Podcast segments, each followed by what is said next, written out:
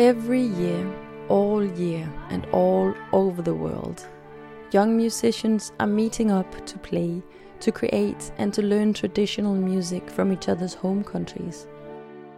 One of the places this happens is in the small village of Køng on the island of Funen in Denmark. For 10 days, it's populated by people from Israel to India to Iran to Australia and many more places all around the world.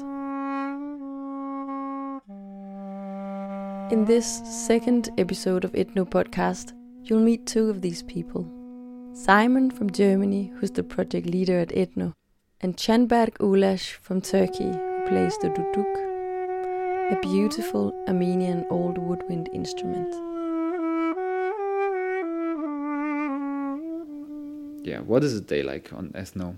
A normal practice day, I would say that you get up to eat breakfast for an hour between eight and nine or something like this, and uh, then you have three sessions maybe till lunch at one o'clock, and uh, another break in the afternoon, and another two sessions before dinner, and and the evening is free for um, all kinds of activities basically. It's it's amazing what comes up. You never know what what the what the people bring. There are a lot of games and dance evenings. And actually dance evenings are very important to to start an ethno to break down the the nervosity and to uh, yeah you know to touch each other in dance. It's really it's really uh, ice breaking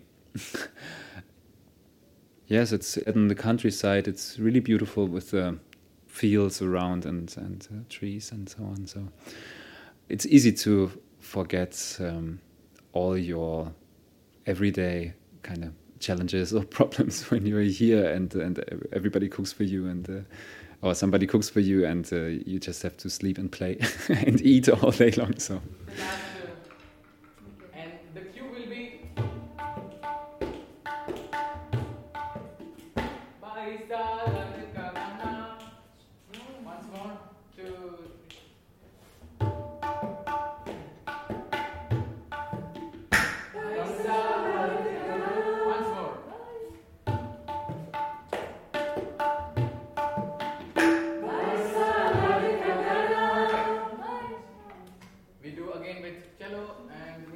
30 years ago, it started all in Sweden on a folk music camp. And uh, they tried also teaching each other in this way. And this concept worked so well of, of sharing the tunes and being on one level and not having one master teacher or something like that that uh, they started repeating it and they then they started calling it ethno and um, later on it got adapted by Jeunesse Musicale Internationale.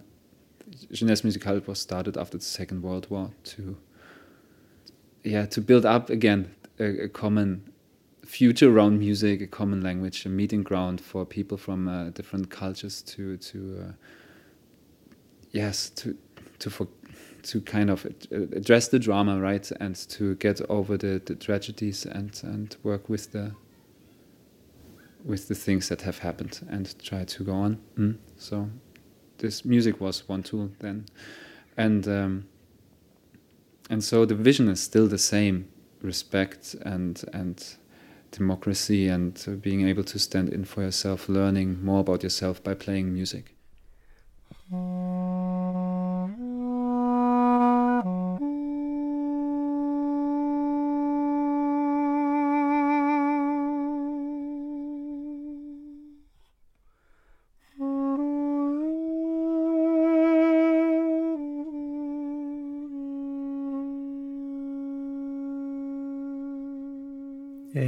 Canberk Ulaş. Uh, I'm 28 and I'm from Turkey. I played the duduk. Duduk is from Anatolia and Caucasia. I mean Georgia, Armenia, Turkey, and Azerbaijan. But it has different names in different countries. Uh, Armenian people called duduk, Azerbaijani people called balaban.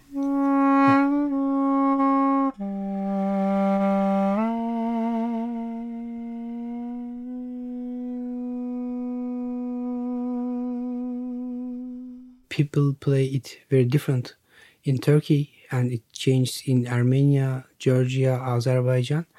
Uh, but I have I have also Turkish Ottoman music styles in my playing style, but I play mostly in Armenian style.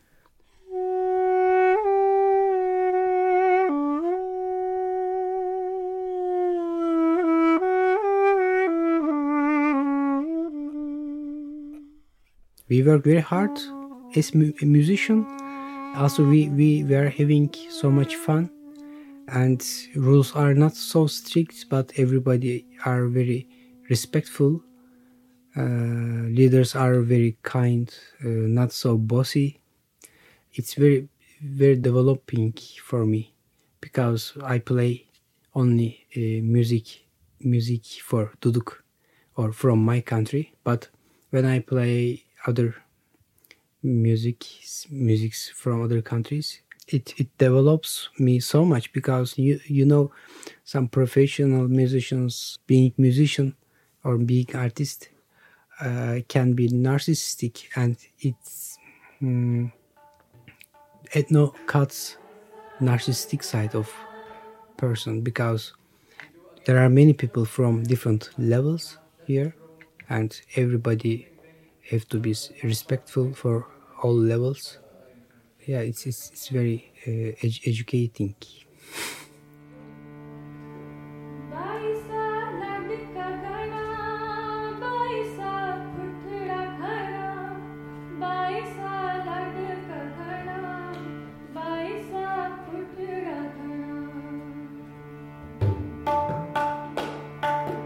Ethno Denmark has uh, 30 participants from uh, 18 countries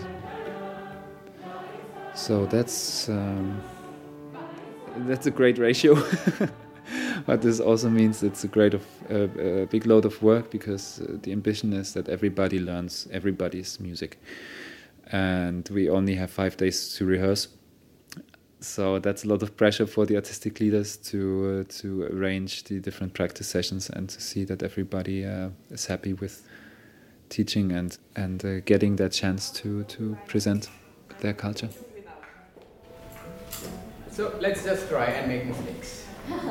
we don't have the ambition to make every uh, to make everything as it's as it should be um, from the traditional point of view. It always will become some fusion uh, product, uh, but that's the point to so that everybody can take part. This this feeling when of, of having everybody uh, uniting in this synergy, in this in this uh, amazing ethno sound. um, yes, because everybody is so open and so giving. This year has been amazing now with the uh, with the participants. The, how many wanted to apply? It's the first time that we really had to put a lot of uh, waiting lists up. Well, this is good. So they just uh, have to find maybe then another ethno at the same time, or come next year, or you know, there will always be a space for you somewhere. There are so many ethnos now.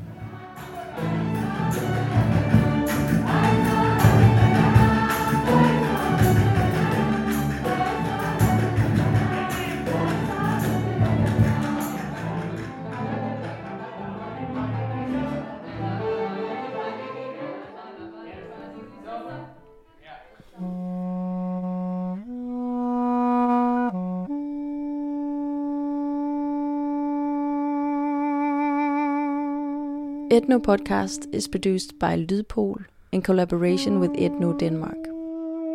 In the next episode, you can meet several different voices and instruments when we try to sum up the feeling of Ethno. Thank you for listening.